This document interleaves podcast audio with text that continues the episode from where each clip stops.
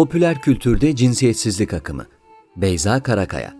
Ursula Le Guin'in Karanlığın Soleli romanı dünyamıza oldukça benzeyen Kış adındaki bir gezegende geçer. Bu gezegenin tüm sakinleri androjen yani çift cinsiyetlidir. Cinsiyet kalıplarının olmadığı bu toplumda insanlar yılın bazı dönemlerinde o anki hormonal durumuna bağlı olarak erkek ya da kadın olabilmektedir. Bir kadın birkaç çocuk doğurmuş olsa bile başka bir zaman başka çocukların babası olabilmektedir. Birkaç yıl önce kitabı okuduğumda Le Guin'in inşa ettiği androjen toplum bana oldukça fantastik gelmişti. Fakat bugün dünyada yayılan cinsiyetsizlik ya da akışkan cinsiyet akımını düşündüğümde karanlığın sol elinin fantastik bir gezegeni anlattığına olan inancım gittikçe azalıyor.'' Bilhassa son iki yılda popüler kültürün tüm enstrümanları kullanılarak üretilen cinsiyet kalıplarının yeni dünyaya uyumlu olmadığı ve ancak cinsiyetsiz bir toplumla özgür ve yeni renkli bir dünyaya ulaşabileceğimiz söylemiyle cinsiyetsizlik propagandası yapılıyor. Durum o kadar vahim ki propagandalarını yapıp bu yeni cinsiyetsiz cinsiyete yönelik ürünlerini pazarlarken kendi söylemleriyle çelişip yeni bir cinsiyet kalıbı ürettiklerinin farkında değiller.'' Dilerseniz pek çoğunu Facebook gibi anlık olarak tükettiğimiz, tüketip geçtiğimiz ve belki de fark etmediğimiz cinsiyetsizliğin ürün yerleştirme mantığıyla servis ettiği bu popüler kültür enstrümanlarına yeniden bakalım. Mutlu Binark, Kültürel Diplomasi ve Kore Dalgası, Holyo, Güney Kore'de sinema endüstrisi, Ki Dramalar ve Ki Pop kitabında Kore dalgasını Kore kaynaklı popüler kültür ürünlerinin tüketimi olarak tanımlar. Kore dalgası Kore dramalarının ki drama, Kore müziğinin K-pop, Kore sinemasının ve Koreli yıldızların tüm dünyada bir fan kitlesi oluşturma ve yoğun olarak tüketilmesiyle sonuçlanmıştır. Son 10 yılda ülkemizde de oldukça geniş bir fan kitlesi oluşturan bu dalga, Kore'ye, Korece'ye ve Kore mutfağına olan ilgiyi de artırmıştır. BTS, EXO, Girls' Generation, Shine gibi gruplar tüm dünyada olduğu gibi ülkemizde de en sevilen K-pop gruplarından kendine özgü tarzları, yaptıkları müzikler, dansları, kıyafetleri ve makyajları ve en önemlisi kendini sev mottoları onları Z kuşağının idolü yapmaya yetiyor. Bu grupların en popüleri olan BTS'nin fan kitlesi kendisini ARMY diye isimlendiriyor ve gruba yönelik hiçbir eleştiriyi kabul etmiyor. K-pop gruplarının cinsiyetsiz olduklarını beyan etmeleri veya androjen görünümlü üyelerinin Türkiye'de bilhassa liseli gençler arasında geniş ve sadık fan kitlelerine sahip olmaları geçtiğimiz yıl Türk medyasını oldukça endişelendirmiş ve pek çok gazete bu mesele hakkında haberler yapmış, yazarlar bu husustaki kaygılarını dile getirmişti. Mutlu Binark çalışmasında farklı içeriklerin hemen sapkınlaştırıldığını söyleyerek gösterilen bu tepkileri ahlaki panik ve bilimsellikten uzak olarak nitelendirmiştir. Her ne kadar Binark'ın işaret ettiği gibi henüz bu hususta kapsamlı bir saha çalışması olmasa da Binark'ın çalışması da Kore dalgasının Türkiye'deki tüketimini pas geçmiştir. Kore dalgasındaki cinsiyetsizlik fenomenini görmezden gelmek ve bu fenomenin tüm dünyada yayılan cinsiyetsizlik akımının bir parçası olduğunu es geçerek getirilen eleştirileri farklı olana gösterilen tepki ve ahlaki panik olarak nitelendirmek bütünsellikten uzak bir yaklaşımdır. BTS'nin dünyada nasıl göründüğünü araştırırken Army mensubu 13-14 yaşındaki Amerikalı bir gencin yazısına rastladım. BTS, benliğin akışkanlığı üzerine odaklanıyor diyor Army'ye mensup bu genç.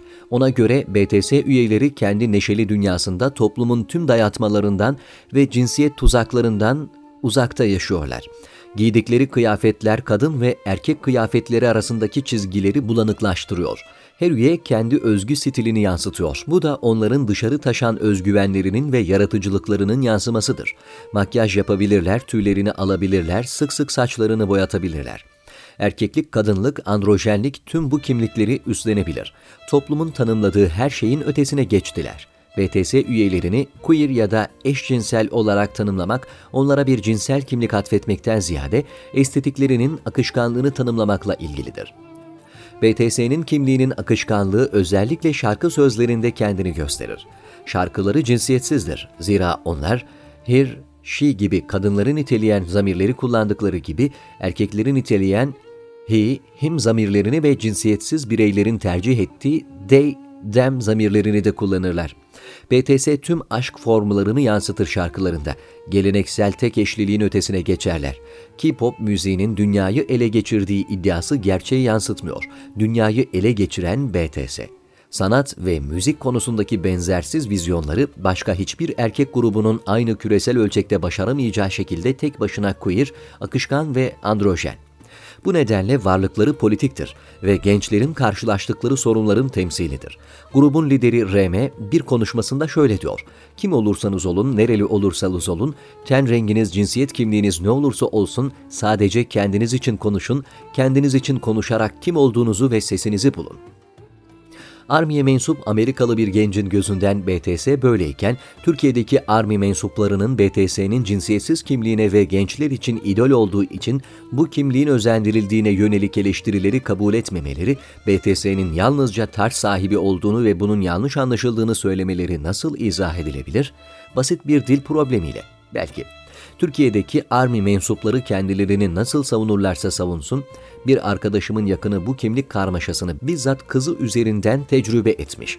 Henüz ortaokuldayken K-pop'la tanışan kızı daha sonra arkadaşlarının etkisiyle ki dramaları da takip etmeye başlamış. Annesi kızının bu dizileri izlediğini gördüğünde diğer çocukların annelerine bu dizilerden haberdar olup olmadıklarını, içinde bir çocuğun izlenmesinde sakıncalı bir şey olup olmadığını sorduğunda hiçbir sorun olmadığını, hatta cinsellik barındırmadığını öğrenmiş. Fakat o dönemde henüz cinsiyetsizlik algısı olmadığı için aslında bu dizilerde cinsiyetin de olmadığını o zamanlar fark etmemişler. Fakat kızı bir süre sonra deist olduğunu söyleyip akabinde saçlarını kısacık kestirmiş, erkek gibi giyinmeye başlamış. Bir müddet sonra da Taksim'de yapılacak LGBTQ'nun onur yürüyüşüne katılmak istediğini, eğer katılmazsa intihar edeceğini söylemiş. Annesi neden gitmek istediğini sorduğunda kendisini biseksüel hissettiğini belirtmiş. Fakat sanki zorla birinin baskısıyla gidiyormuş gibi hem yürüyüşe katılmak istiyor hem de o tarihlerde İstanbul'da olmak istemiyormuş. Annesi yaşadığı bu ikilemi görünce onu şehir dışına akrabalarının yanına göndermiş.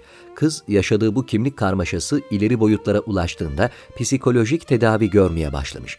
Arkadaşım bu hadiseyi anlattığında hem BTS'nin cinsiyetsiz imajı hem de ki dramalarının etkisinin bu kadar yoğun ve yakınımızda olmasına şaşırdığımı söylemeliyim. Kore dizilerinde sıklıkla kullanılan temalardan biri de gender bender yani karşı cins gibi giyinip hareket eden kişidir. Bu temayı kullanan ve hakkında sitayişlerle bahsedilen en popüler dizi Kofe Prince'tir. Unhan ailesinin geçimini temin etmekten mesul genç bir kadındır. Fakat görünüşü ve hareketleri sebebiyle insanlar onu genellikle erkek zannetmektedir. Bir gün bir kapkaç olayı sebebiyle Han Yul'la tanışır.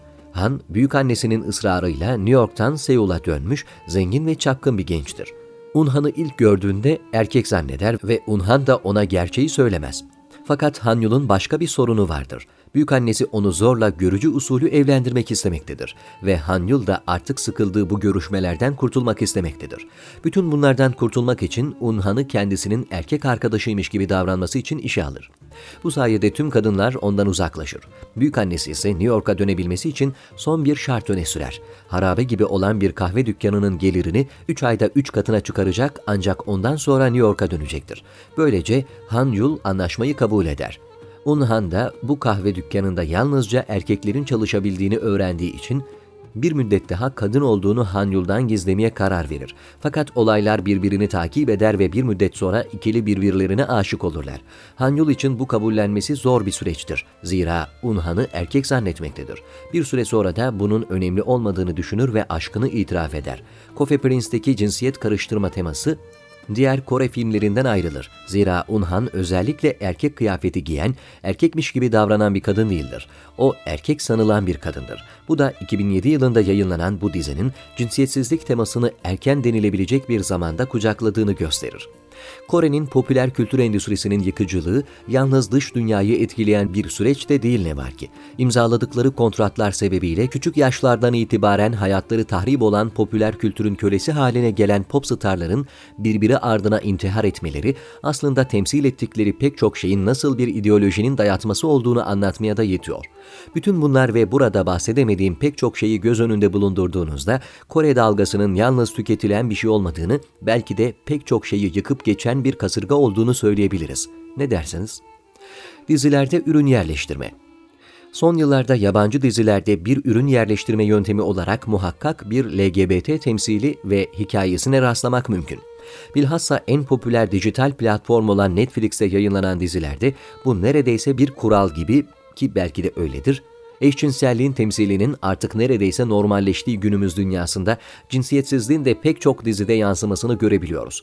Billions dizisindeki Taylor Mason, Grace Anatomy'de Toby Donnelly, Antur Life'da Zane Petros'in, Science 8'de Disney, Orange is the New Black'te Domina Dedi Duarte, Carmilla'da La Fontaine, The God Palace'da Janet, Chilling Adventure of Sabrina'da Suis Sousa, Susa Putnam, Next Class'ta Yael Baron de Gracie, Vida'da Sam, God Girls'te Sadie kendisini cinsiyetsiz olarak tanımlayan karakterler.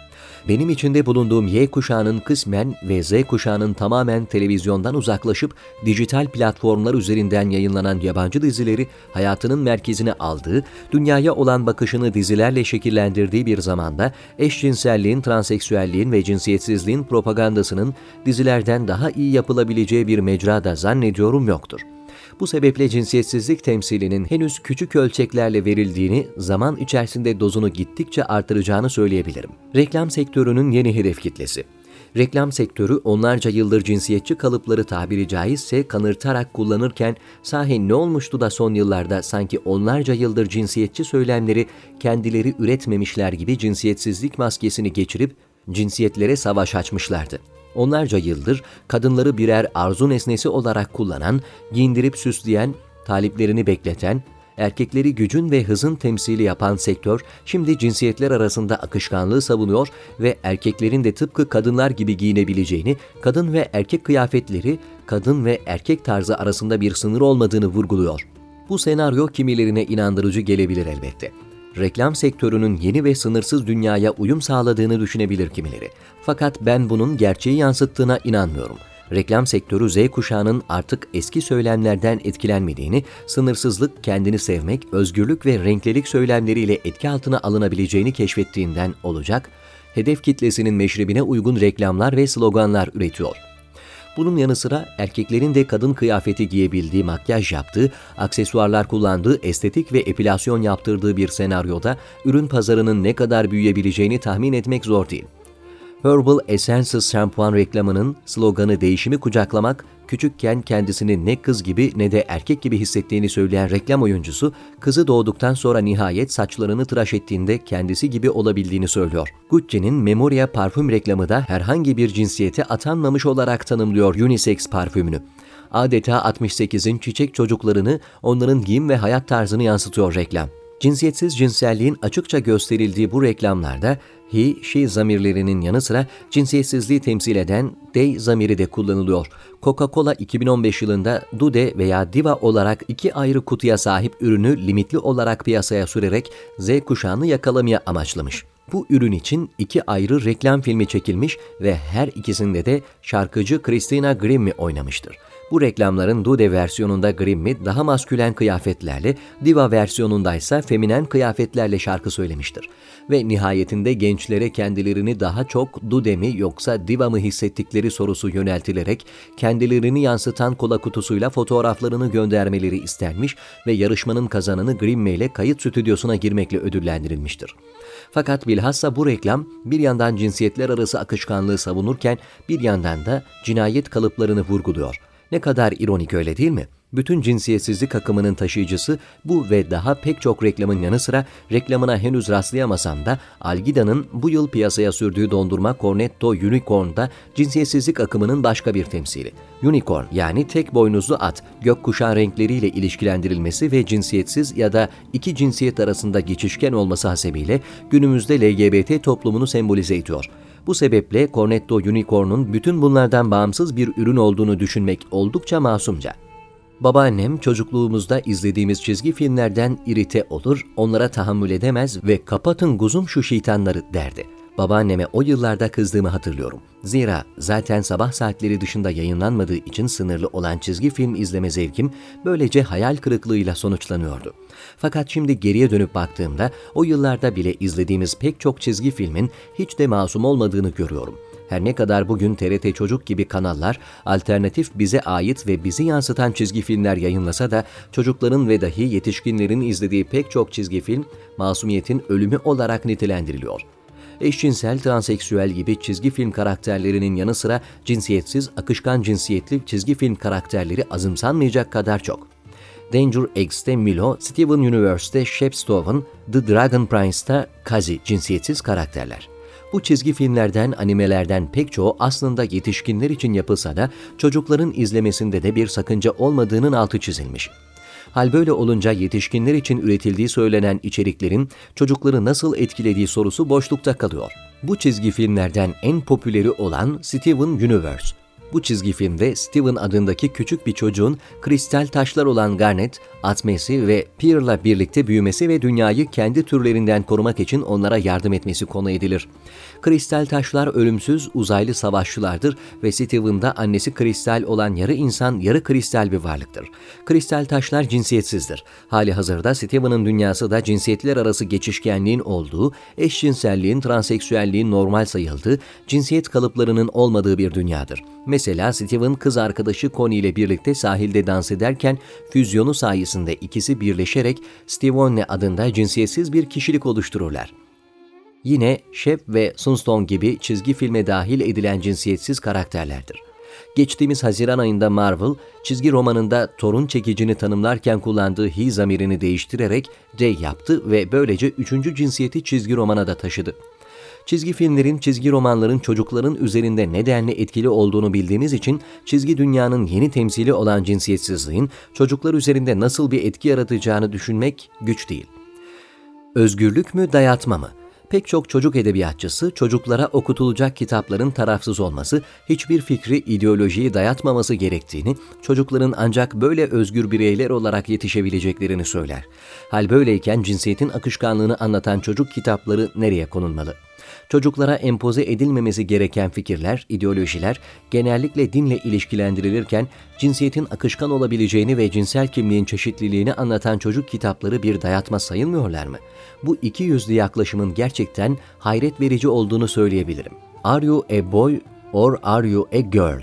Jacob's New Dress, I am Jazz, The Boy with Pink Hair, It's Okay to be Different, My Princess Boy, Blackwords Day cinsiyetsizliğin, cinsiyetler arasında akışkanlığın konu edildiği çocuk kitapları.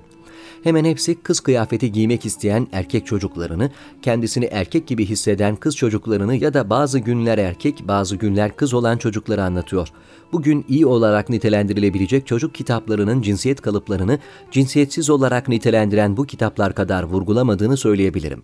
Hal böyleyken cinsiyetçi olanın ne olduğu sorusu tekrar gündeme alınabilir belki. Cinsiyetsiz oyuncaklarda kitaplar gibi her geçen gün sayılarını artırıyor. Barbie bebeğin üreticisi olan Metal firması kurulduğu günden bu yana ideal kadın bedeni ve cinsiyet kalıplarının keskinleşmesi üzerinde belirleyici rol oynuyor. Fakat geçtiğimiz yıl cinsiyetsizlik akımına Metal'da kapılarak cinsiyetsiz trans bebeklerini piyasaya sundu. Söz konusu firma Metal olduğu için her iki cinsiyetin de kıyafetinin kutu içerisinde bulunduğu saç şekillerinin değiştirilmesine imkan tanıyan bu bebekler, cinsiyetsizlik akımının nasıl bir piyasaya sahip olduğunu anlatmaya yetiyor. Rol model hikayeler Angelina Jolie ve Brad Pitt çifti ilk biyolojik çocukları olan Shiloh'u cinsiyetsiz yetiştiriyorlar. Bir kız olarak doğan Shiloh, erkek kıyafetleri giymeyi ve erkek gibi davranmayı seviyor. Adele de çocuğunu cinsiyetsiz yetiştiren ünlülerden biri. Disneyland ziyareti sırasında oğlu prenses kostümü giymek istediğinde buna izin vermiş. Rick Kelly, Annie Hathaway, Chris Evans, Annie Rice, Will Smith de çocuklarını cinsiyetsiz yetiştiren ünlü isimlerden. Hayatlarının her detayı merak edilen ve takipçileri tarafından taklit edilen ünlülerin bu cinsiyetsiz çocuk yetiştirme eğilimlerinin rol model teşkil ettiğini ve edeceğini dünyanın pek çok yerinde yankı bulduğunu ve bulacağını söylemek mümkün. Ünlülerin yanı sıra hikayeleri birer başarı hikayesi olarak lanse edilen cinsiyetsiz kişilerin de gençler üzerinde rol model teşkil edeceğini söyleyebilirim. Time dergisinde kapak olan şarkıcı Millie Christ da onlardan biri.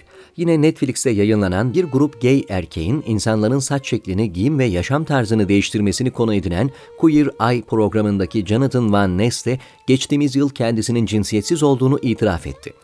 Geçtiğimiz yıl Şubat ayında hakkında bir yazı yazdığım Desmond is Amazing lakaplı Desmond hem direkt çocukların hem de cinsiyetsizliğin çocuk temsili niteliğinde. TED platformunda yapılan cinsiyetsizliğe dair ilham verici konuşmalar, I Am Day gibi cinsiyetsiz bireylerle ilgi çekilen belgesellerde bu hususta taşıyıcı rol üstleniyor. I Am Day belgeselinde birlikte olan All ve Fox kendilerini cinsiyetsiz olarak tanımlıyorlar ve fakat Fox kız olarak doğduğu halde cinsiyet değiştirerek erkek olmuş. Olsa erkek olarak doğup cinsiyet değiştirerek kadın olmuş.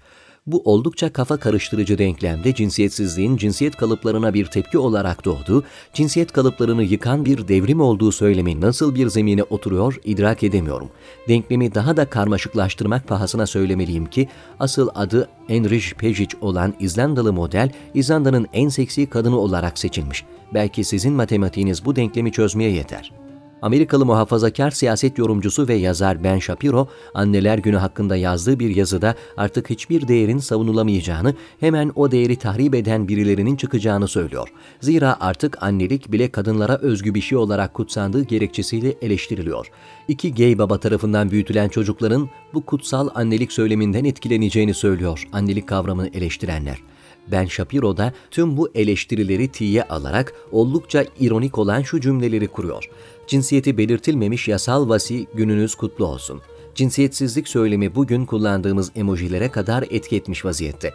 Hal böyleyken anne baba demenin bile gerçekten suç sayılacağı bir dönemi öngörmek mümkün. Dediği gibi Cem Karaca'nın. Bindik bir alamete, gedoyoz kıyamete amaneyn amaneyn.